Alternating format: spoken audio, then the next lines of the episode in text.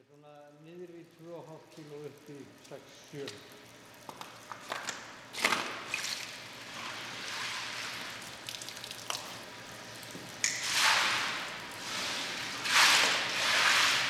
Er þetta oddi?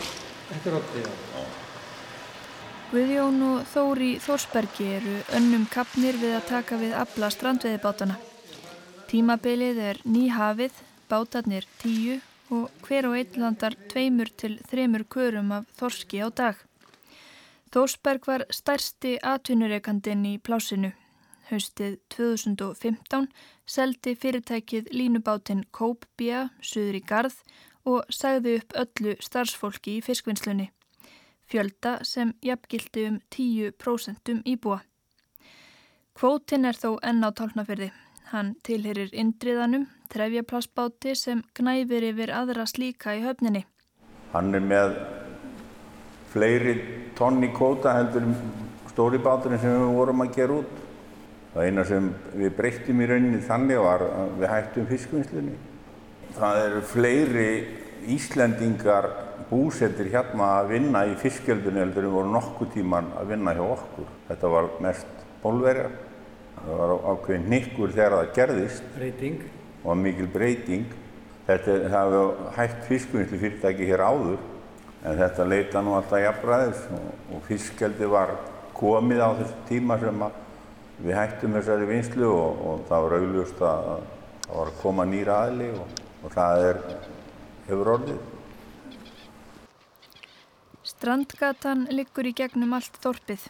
Þegar komið er inn í bæin er höfnin á vinstri hönd og þar eru fyrirtæki á borði Þórsberg og Tungusilung.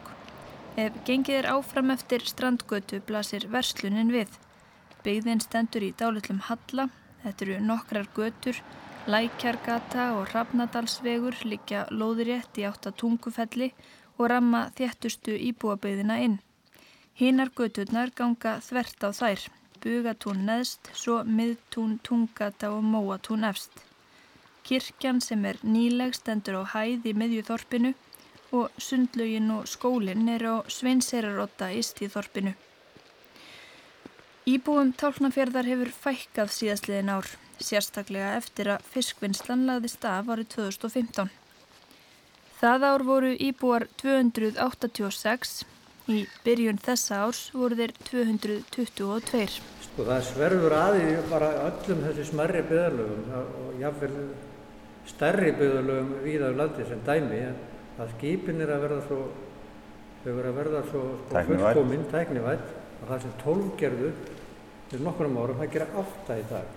Þú þarf að nota færri menn og þá verður bara færra fólk. Þannig að allir þessi staðir eru að líða fyrir þróununa, eða líða, ég veit ekki hvort það var að segja líða, sko. En svona skilur þetta bara. Fækkunin er tengd við, við hérna, lókun að þessari fiskvinnslu en hérna, ég veit um 11 manns sem fluttu sko, voru, voru farnir eða búin að taka ákvörðum að fara áður en að það gerðist. En svo er nú, sko, eins og þegar við erum að tala um þessi mál, sko, það er alltaf, ef að tveir eða fleiri tala saman um svona breytingar í innu dreifðu byggðum, þá er nú oft gripið í að kenna fótakerfinu, en fólksflutningar frá landsbyggðinni hófust löngu, löngu, löngu áður en að nokkuð dætt í huga að það myndi verða einhvern fiskveiðistjórnarkerfi til á Íslandi. Það eru svo, svo margar aðrar og ytri að- aðstæður og það eru ímis vandamál sem að hérna, hafa farið vaksandi við það að vera svona langt frá það er til dæmis breytingin um að, að fyrir mikið, mikið að fiski ferskur í flug og það eru samgöngunar, það þarf að flytja þetta langan veg. Við þurfum að ofta að flytja hráefni til okkar og afurðuna frá okkur og við þurfum að eiga margar tegundir af umbúðum í staðin fyrir að þeir sem eru á, á nálagt uh, flugvellinum á Suðvöldarhóllinu þeir, þeir þurfa nánast engar umbúður eiga vegna þess að veksmiðan sem framleiðir að hún er í þarnasta húsi og það er skutlað inn á gólf til þeirra meðan þeir sofa. Við þurfum að flytja þetta og kostnaður fram og tilbaka. Þannig aðstöðumunurinn er gríðalegur fyrir svo utan það að við höfum ekki á kaplan eitt veg til að fara um nema veg sem var byggður fyrir 1950 og hann er eins og hann var þá. Heflaður hálfu sinna á ári, rétt rúmlega það. Gamla fólkið situr eftir heima Minningar út af fjörðin streyma Þorpið er að þurkast úr Þar sem albyggið er, grasið tegir sig upp úr. Fjallahringurinn er orðin eins konar múr. Partur vetri, nær sólinn aldrei að skína. Á fjörðin og ljósið er vart sjáanleg lína. Unga fólkið er fyrir sunnan að vinna. Gamla fólkið varð eftir með nál og tvinna Út á fyrð er enga draum að finna Þorpið er að þurkast úr Húsinn kosta nokkrar dánar krónur. Hansk er hægt að rækt úr þeim feitar jónur. Leikskólinn geymir bergmál, próbandi barna sem í borginni segja ég fættist þarna sem ekkert ung fólk finnst lengur Njörður 2013, hann er kannski ekki talfyrringur Svona, já, næstu því. og svo komum tveir árið eftir og svo er engin og ekki vitið til að neitt sé áleittur sko, en neitt sé áleitt Mm. þannig að það vantar þrjá árganga hvernig fer þá með skólan og veist, þá bara það er það sem er ákveða sko, það vantar það vantar aðeins unga fólki Jón Ingi er einn sumargestana. Hann er sjómaður, tekur þátt í strandveiðinni en hefur vetursetu í Reykjavík. Ef fjögur ára sonur hans væri tálkfyrðingur, væri hann með þeim yngstu. Getur þú hugsað þér að búa hérna allt árið í dag? Já og nei, ég náttúrulega nú er ég komið fjölskyldu og það þarf að vera svona samkomulega um það sko og nei, ég held ekki, ég held að mér finnst fílt að vera endur sömri allavega eins og þetta er núna þá þá svona, þá myndi ég vilja það vera, vera endur sömri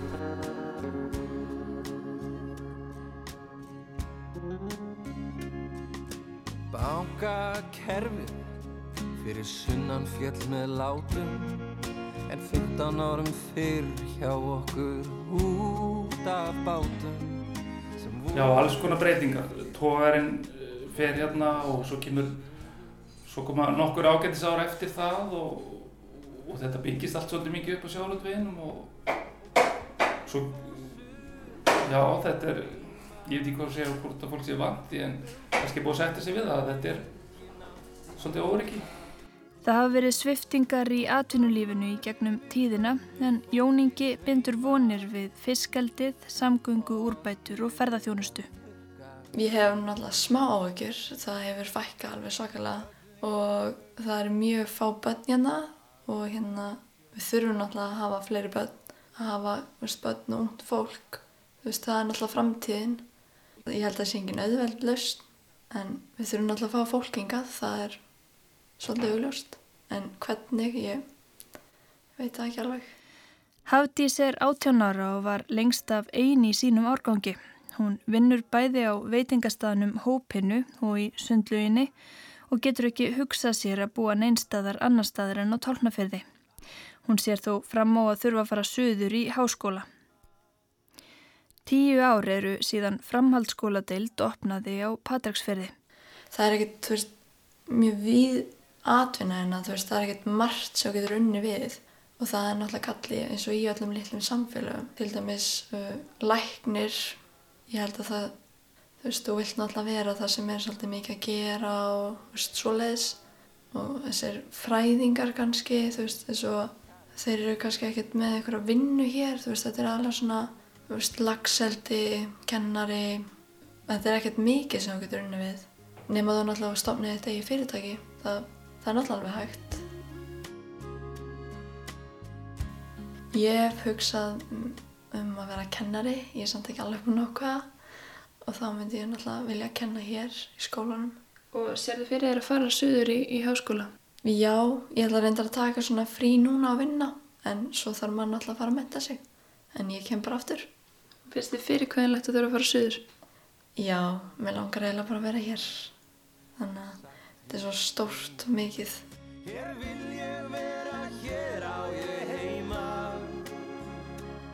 Já, mín reynsla allavega að, að, að hérna, fólki sem að samtíða mér að það, það ætluðu allir aftur.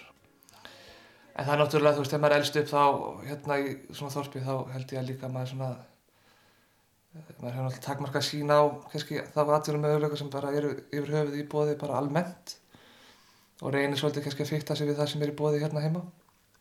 Svo þegar að, þú veist, að meðan að námi stendur og, og þegar því líkur að þá séu maður kannski að, að að tækifærin eru, eru fleiri og mögulegandi meiri og hérna þannig að ég veit um marga sem hafa byrjað því að, að stíði úr námi og inn á vinnumarkaðan fyrir sunnan og, og kannski býða eftir því að einhvað svipa tækifæri komi upp hérna fyrir vestan en, en því meður þá er atvinnumarkaðan en þá það einsleitur og það er náttúrulega já, takmarkaði mögulegar í bóði. Ársæll er fættur árið 1983 Hann ólst upp á Tálnafyrði, fór svo suður í framhaldsskóla og hefur verið búsettur á höfuborgarsvæðinu síðastlegin ár, en taugarnar vestur eru sterkar. Ég er leikari, þannig að ég sá nú fljótt að það veri kannski ekki mjög líklegt að ég geti látið bæði leikaradraumin rætast samlega því að láta draumin um að búa hérna rætast. En þú veist með því að koma hérna, ég er hérna í 6-8 vikur ári og hérna er svo hefjuna að geta dvalið hérna við skriftir og, og, og undirbúning á verkefnum þannig að maður reynir að láta þetta ganga saman einhverju leiti. Finnir þú fyrir einhverju svona gremju í þinn garð yfir að þú skuli bara koma hérna á sumrinu og svona í einhverju nokkra vikur í senn og sérst ekki búsettur hérna? Nei, alls ekki. Ég held að hérna, mér er alltaf vel tekið þegar ég kem. Ég er ekkert svona, er ekkert svona pirrandi sem að gestur eins og krían, sko. Þannig að fólk skilur alveg aðstæður fólks? Já, ég hugsa það náttúrulega, sko. Við erum ekki öll steift í sama mótið og hérna fólki sem þekkir mig veit að hérna er, veit að frá því að ég var smá batti svona hvar mitt áhuga svið og, og, og, og hvar minn ástriða lág sko. þannig að ég hugsa að kemur fólkinu meira ávart ef ég væri búsettur hérna allt árið fyrir einhver heldur en ég sé bara einhver suma gestur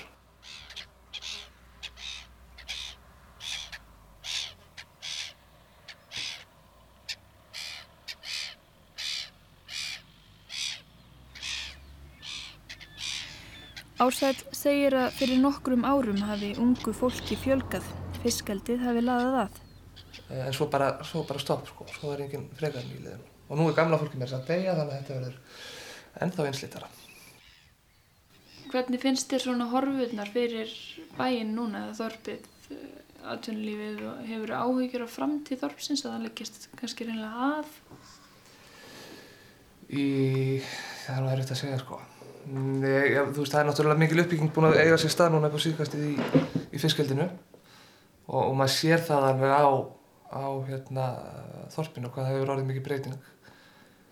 En á sama tíma á það er að gerast að þá fer kvótinn, þannig að, að kannski stendur hann bara í stað frekar heldur en að, að dafna eins og hann hefði geta gert sko, eða, já, sem betur fyrir valagseldi komið, annars hefur þetta kannski færið í því.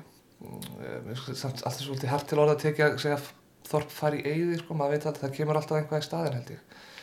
Það er gríðarlega breytingar orðið á samfélagsgerðinni til dæmis á en sem er núna náttúrulega nánast orðið bara sumarhúsabeyðu, sko.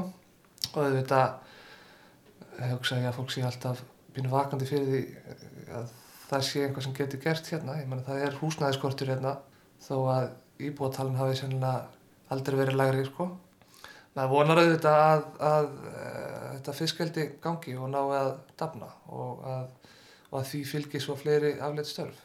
maður heyrir svona á umtalinu allavega að þetta sé geti bóðið upp á aðeins fjölbreyttari atvinnukosti heldur en sjáuröldunum gerði sko. það er svona meiri nýsköpun og, og, og tækni í þessu kannski þannig að allavega eru ég veit að það eru margir sem að horfa hingað og, vilja koma aftur og þeir sem að þetta unga fólk sem ég þekki að minni kynnsla sem hefur flutt aftur hérna, það, því líður mjög vel hérna, það er mjög sátt Sjávarútvegur hefur átt hug nýjelsar, pappa Ársæls, alla tíð.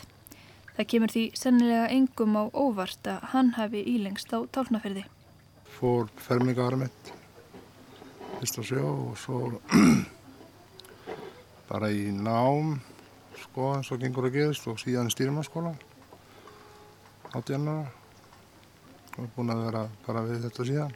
Og hvað finnst þér um atvinnulífið þetta? Það er mjög liðlegt þessu stundinu.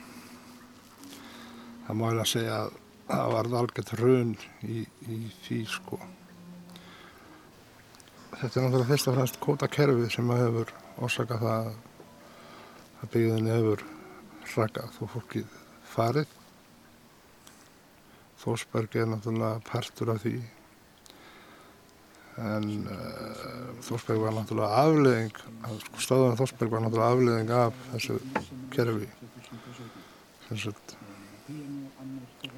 Þessi þróun hefst raunverulega sko úr 1990.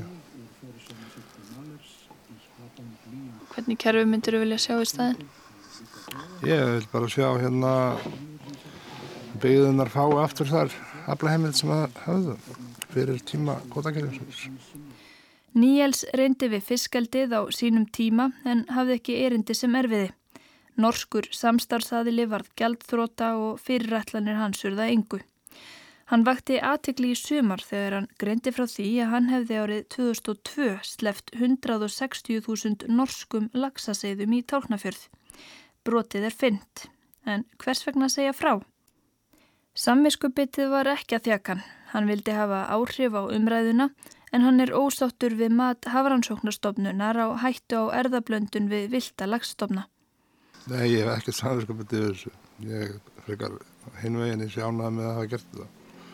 Þannig að fiskur er svalt og bara sveltur í þrjá mánu og það má eiginlega kalla þetta frekar dýravendunar sjóna með að sleppa þessu lifandi í sjóin. Þú hefur ekkert miklar áhyggjur á erðablöndun eða? Nei, yngar. Þannig að þess að Ég er til dæmis mjög erðarblandaðar, við kemum ákveðlega út úr því. Fæðið minn sko líkist freka fransmanni, þetta er reynræktuðum íslending, ég veit ekki hvað hva málið þetta skiptir. Það er ekki til neitt sérstakur íslenskur landnámsstofn hérna lengur. Það er búið að vera að sleppa fisk í ára og vötni, týjir ára, hafbeitt stundu hérna um all land, bæðið með norskum og íslensku fiski menn eru bara að sleppa því að, að tala um þessa hluti. Þetta er umhverfað yngsta þorpi hérna. Þetta fór ekki að byggjast hér fyrir undir 60. Bjarni og Sigrún muna eftir því þegar þorpið var að vaksa ár grasi. Þau beigðu hús á tálknafyrði í byrjun 8. áratúarins og það gerðu margir fleiri. Það var nóg að gera. Sko þetta er svo gjör breytt frá því að við komum byrjum að búa. Allt annað var allt annað. Ég þetta fækkað, fækkað svo mikið, mannlífi breyst og var bara komið helvít eða mjög neðarlega sko. Þú hafi verið nú að gera hérna fyrir síðan að lagsin kom. Það var, fór yfir 400 manns hérna sko, það mest var. En er komið hún eitthvað 200 og... Og það var, það mest var í skóla held ég að verið yfir 60 börn en núna er, er við sagt að í, í vetur verið 33. Það er svo mikið af fólki farið og dáið og þannig að þetta er rosa mikið breyting. Áður verða hérna í hverju húsi fjölskyldur með börn og mikið, mikið gleð og mikið gaman. Þetta eru mikið bara e, útlendingar sem er hérna að vinna í, í lagseldinu og, menn hafa þurft að fara hérna í burtu til þess að sækja sér vinnu. Og hér verður ekkert aðfylgjusi, fólki fer bara. Ef það hefur ekki vinnu, þá fer það. Karla flutti 19 ára til Tálnafjörðar frá Portugal og bjóð þar í ára tugi. Núna er ég að flytja til Akranis en það er ekki, út af það er þetta ekki gott stað, þetta er frábært stað til að vera en vinna þar er ekkert, ekkert mikið, ekki, ekki það mikið búið, næ. Þannig að það er þess vegna sem þið eru að fara núna? Já, þetta er einmitt út af því, ég, ég, var, ég var að vinna á veitingahús, ég var að kokka þar þrísfu sínum í viku og stundum meira þegar vandar og svona til að leysa af og svona en það var ekki fyrir manninu minna. Hann sót um, hann leitað og hérna hann var á sjó síðasta vetur en þetta er eitthvað sem gegn ekki að því hann var veist, hann var alltaf sjóveikur og hann leitaði annar staðar og hann fór vitnast um öðru vinnum en hann fekk ekki neitt svo það var hann að vera á atvinnu eða bara fara og leita eitthvað annað. Ef ég var í fullstarf og ef að manninu mínu var í fullstarf sem honu langar að gera veist, sem er náttúrulega vel borgað og svona. Ég hugsaði ef við varum með þá þar. Ég hugsaði það. Reyndar sko, uh, já, strák sem er 15 ára og verna hann, hann kæti möguleika enda eitt núna í tjúndabæk ef hann var ekki að fara. Og það getur verið kannski erfitt fyrir börnum á þessum aldur.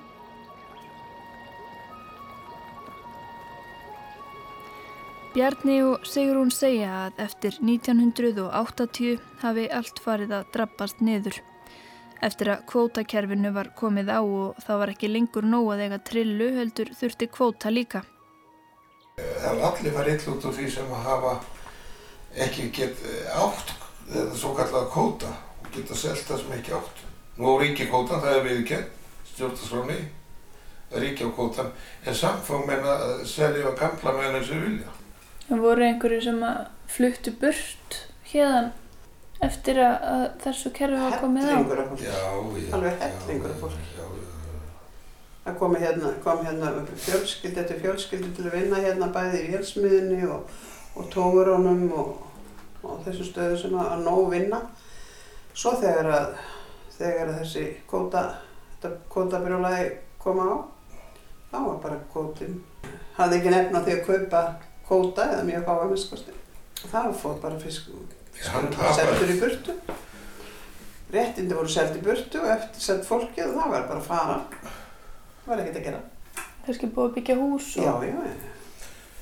Þetta fiskeldi sem er komið, nægir það ekki til þess að rýfa bæjarfélagið upp? Ég, það verður vel verið að muni gera það í framtíðin en ég er móðan að sassi ná það sko. Það er búið að reyna hérna fiskeldi mjög lengi og það er fyrst núna fyrir bæðumögg á síðan að þetta byrjaði aftur. Það er svona aftur, það er svona kannski, já ekki það, fjögur ár kannski. Og, eh, en það er búið að reyna þetta mjög lengi og búið að fara, hvert fiskeldsfyrirtæki og fættur öðru er búið að fara hér á hausin gegnum tíðina. Þetta er í fyrsta skipti sem að eh, svona eh, lagði virkileg peningar í þetta og lagði alveg við þetta. Inn í botni Tálnafjörðar er vonarstjarnabyggðarinnar, segða eldistu dýrfisks. Þar rýst nú stærsta hús á vestfjörðum og Sigurvinn er stöðvarstjóri. Hvað eru margir að vinna núna hjá ykkur? Við erum 5-6 sem sjáum um fiskinn en svo eru hérna nýsjátt eftir verkefnum þá eru upp í 35-40 pólverjar í uppbyggingunum byggingunum á húsunum. Og hvernig náðu þið þá? Eigandin, pólski eigandin hann þetta kemur bara gegnum hann frá Pólandi. Og búa þeir hér á sveðinu eða inn í Tálnafyrði? Þeir eru bara inn í, inn í Tálnafyrði í húsum. Við erum búin að kaupa nokkur hús og svo erum við gamlar vergúðir sem það er gistaði. Þannig að það er, það er hugsað um það að, já, aðbúnaður þeirra sé svona, já, eins og bestur á kosið, eins og hægt er á þessu svæði. Sko. Er Og er einhverju þeirra sem tala ennsku sem ég geti kannski eitthvað spurt út í lífið á talnafinu? Þeir eru allir með mjög baga það er einn þarna sem hérna, hann er talar vallega sko, en hann, hann svona, þeir eru þetta virðist vera mikið að liði sem að já, talar ekki alveg. Og það er oft rekst stundum aðeins saman sko. menn er ekki alveg á sömum bylgjulengdi uh, My brigade, this is 35 guys. My guys uh, live Tetnafjord This is sleep, this is work, this is eat, every work here. Kristoff er verkstjóri yfir pólsku starfsmönnunum 35 Þeir vinna að jefnaði 10 klukkustundir á dag við vinnum, borðum og sofum, segir hann þeir eiga svo fríin á milli. Sometimes change people. Uh, uh, Uh, Sometimes um, people speak me, I, um, I, I want to go home. My wife problem, my children problem. Sorry, I finish work here. And it's uh, change people. These new guys here, old guys go home. It's, it's normal. This is life. Is everyone from the same city? Uh, mm, my English, sorry. Uh, Skånd, yes. ah, where, where you from? Uh, Poland. Poland. Yes. Uh, 95% mm, people uh, live uh, uh, city Subsk. This is center Baltic. You know, Gdańsk, Subsk, this is Baltic. Subsk, Subsk, this is now uh, city. Þeir dvelja mis lengi á tálknafyrði. Stundum kemur eitthvað upp á heimafyrir og þeir fara eftir nokkra mánuði. Svona gengur lífið bara, segir Kristoff. Það koma þá nýjir í staðinn. Þeir koma nær allir frá borginni Súpsk. Hún er skamt frá Gdansk við Ístrasaltið. Maður vil eiginlega ekki hugsa til þess hvað, hvað hefði orðið hefði þetta hefði ekki komið. Eftir að Þórsberg hættir og kvótum fyrir burtu þá var náttúrulega ekki þetta eftir. Menn bara stóð uppi með, með ekkert sko. Og ef að þetta væri ekki í uppbyggingu, þetta á eftir að vera hérna 10-15 heimamenn, gæti ég trú. Þegar þetta komið í fulla vir, virkni. Hér eru alveg hvað tíu manns að vinna. Hvað er verið að gera hér? Hérna er bara verið að steipa gólplötu og þá það er bara ákveðin gengi í steipu aðrir í að röra vinnu að lögnum. Svo eru hópur í að reysa þarna er annar hópur sko, sem er að reysa súlur og, og, og bara byrja að byggja upp. Hvað á að vera mikil framleysla þetta þegar þetta er búið? Við erum búin að vera skila frá okkur fjögur upp í 600.000 segðum og ég sá núna viðtal við, við hérna einn aðstað mannin okkar og hann talar um 13 földum af því.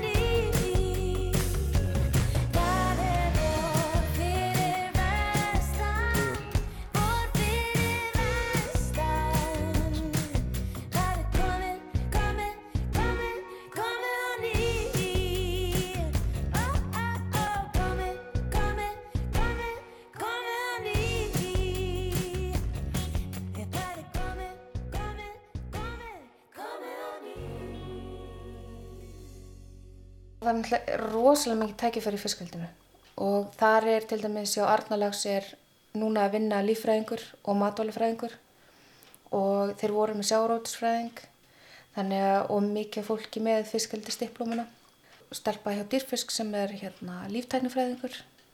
Þannig það er ímislega sem þessi fyrirtæki þurfa að halda bæði líffræðingum, líftæknifræðingum fiskveldisfræðingum og svo er náttúrulega hlítur hafur og þurfa að stækka sitt hér. Þeir eru náttúrulega Ísafjörði þannig að það er, það er ímislegt matvæla hérna, æ, mast og matís var hérna og náttúrulega Ísafjörði þannig að það er ímist tækifæri og þetta, þetta smitar út frá þetta fiskaldi út í aðra stofnanir sem að þurfa að, að stækka við hjá sér og, og fjölga fólki. Segir Eva Dögg, lífræðingur sem á dögunum var kjörinn oddviti Tálknafjörðarreps.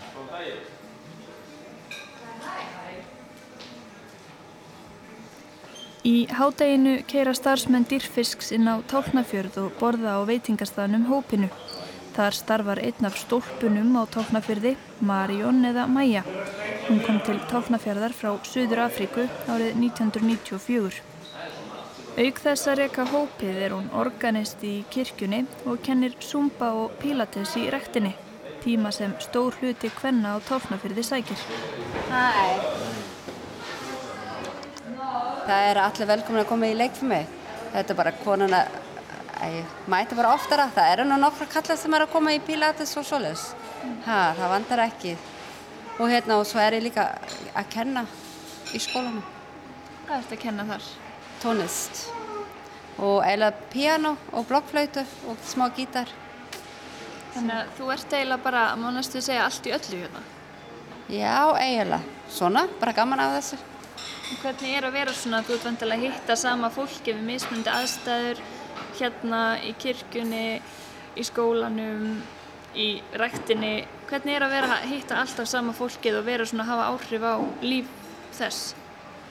Bara skemmtilegt, það er bara vinkona mínar og sé það bara eins gaman að geta hafa, hafa þessa forendi til að hittast þessa fólk og umgengnast þeim. Þetta heldur mann gangandi og eiginlega svona pína fjölskyttamanns hérna líka. Það verður aldrei þreytt? Nei, að, nei, alls ekki sko. Stundum er álag, ég segja það ekki og þetta kemur og fer eins og hitt mm. og bara gefa mann mikið og gaman að geta gert fyrir fólk sem þeim finnst skemmtilegt að gera.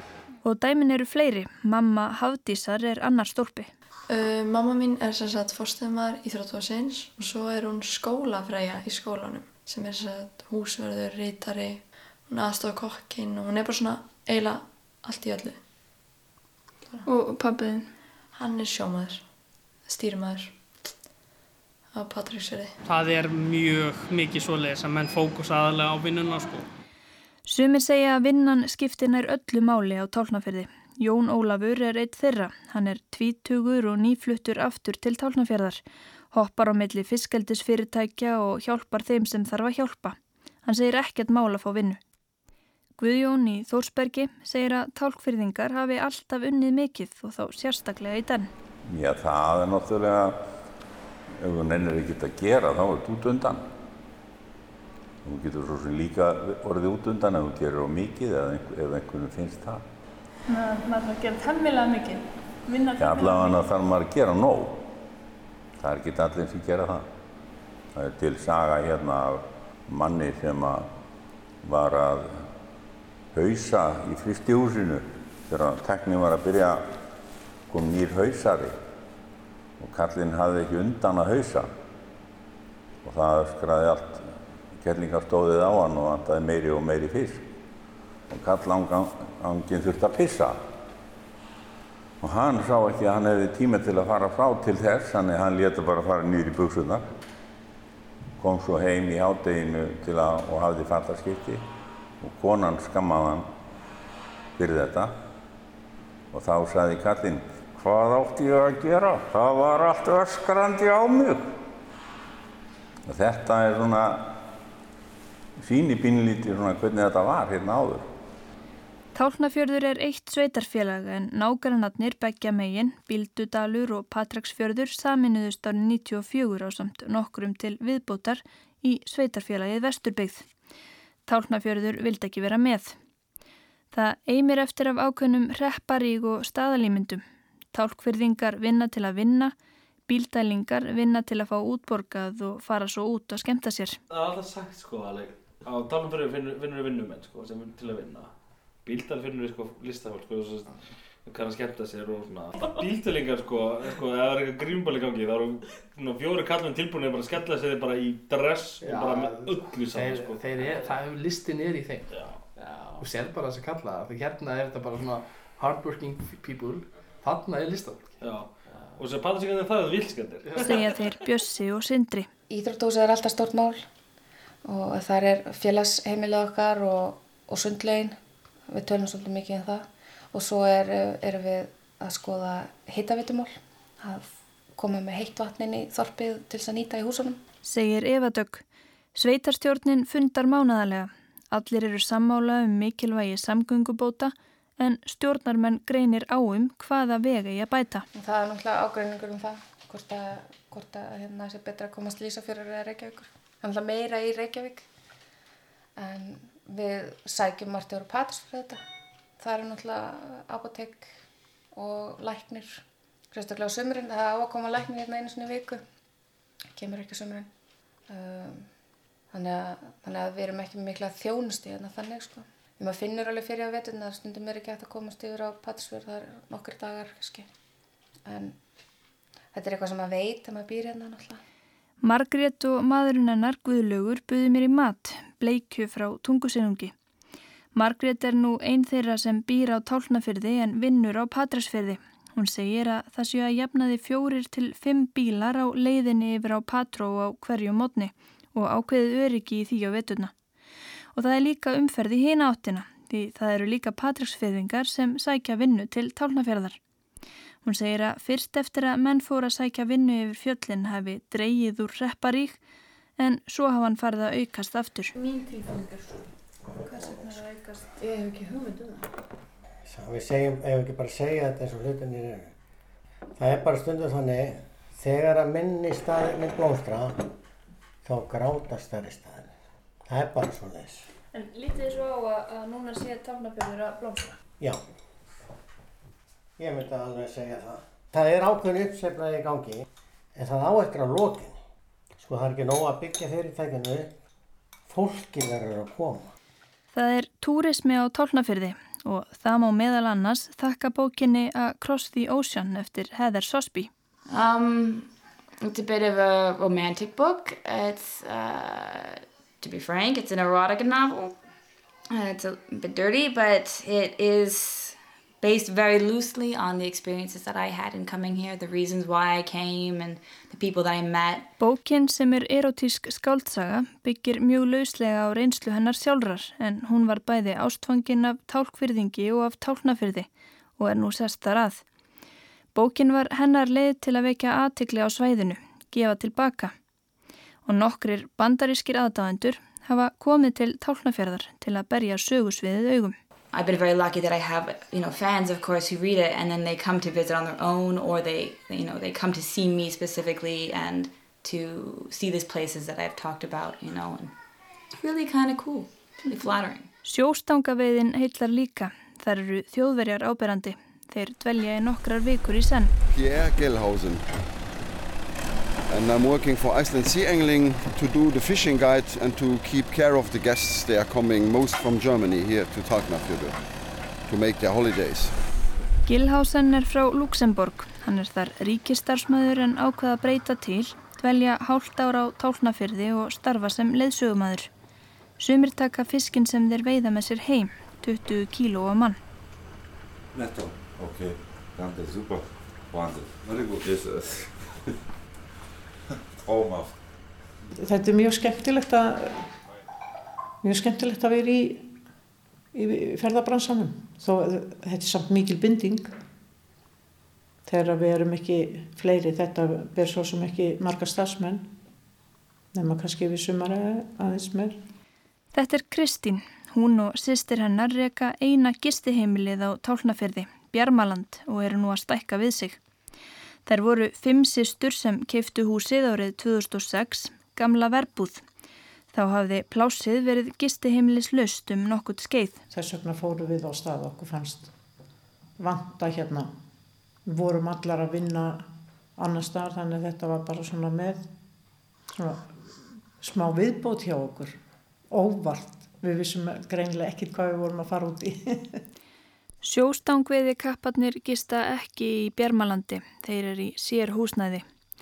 Ferðamennir sem þar gista koma flestir frá Evrópu og yfir sumarið er nánast fullt.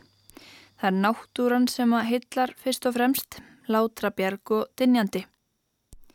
Á veturna er gestahópurinn öðruvísi samsettur, aðalega sérfræðingar, ímist í tengslum við fiskaldið eða hjallastefnuna. Margrét sem nú vinnur á Patræksferði er einn sistrana. Og ég sá það bara á fyrstu vikonum að ég hef ekkert í kistuhúsar ekstra að gera. Mm. Ég er ekki týpan sem tekur á móti fólki. Og ég hekk í þessu með þeim í þannig einhverju ár. Mm. Svo þegar einn sýstrinn sagði, ég vil selja. Ég líka! Þrátt fyrir að Bjarmaland sé eina gistihúsið þá er samkeppni um gestina. Nokkur íbúðarhús á tálnafyrði voru nýlega keift gaggjart til að leia þau út á Airbnb. Sumum er ítla við að Airbnb-væðingin tegi ánga sína til tálnafjörðar. Það er jú húsnæðiskortur. Jón Ólafur hefur áhuga á að flytja úr foreldrahúsum en finnur ekkert. Það er verið að smíða tvö hús hérna núna með, og fjórar íbúðir, tvær íbúðir hverju húsi. En það verður bara að vera miklu, miklu meira heldur en það. Af því að sko eins og núna þú sér það eins og bara Arnalags sem er nú hvað já, eitt, eitt af því stærsta lagseldisfyrirtækjum á landinu ef ekki að stærsta. Þeir eru að flytja eina alveg ógrinni af fólki til talnaverðar og bara eru að ráða allstaðar að það er bara að sko, bæjarfélagi heldur ekki orðið lengur vegna húsnæðiskorts og það er bara þeim, ef við getum ekki séð um húsnæði þá getum við ekki séð um það að fá meira fólk. Á Tálnafyrði er korki pósthúsni banki, ekki lengur en það eru tvær bókaldskrifstofur. Það eru líka tvær verslanir sem standa báðar við strandgötu, annars vegar fiskbúð, nýjaf nálinni Þetta er lítill sjálfsafgreðslu skúr þar sem hver og einn tekur það sem hann vill, borgar svo annarkort í bauk eða leggur hann á bankareikning. Ská á móti skúrnum er svo maturverslunin, hún hétt áður tálknakjör en heitir núna hjá Jóhannu, þá bara eftir að skipta gamla skiltinu út. Jóhanna tók við rekstrinum í vor, hún veðjar á að þorpið eigi sér framtíð. Ég er alveg viss um það, þessi þorp er ekkert að leiðin að dreipast. Hvernig getur þú verið svona vissum það? Ég veit ekki, það er bara eitthvað, kannski er það því ég vil ekki trúa því. Þú veist bara, á meðan að, sko, við viljum vera hérna, en mér finnst samt stundum eins og þeir sem ráða vilja ekki hafa okkur hérna. Þetta er eins og með að blessa endalus á teikskó.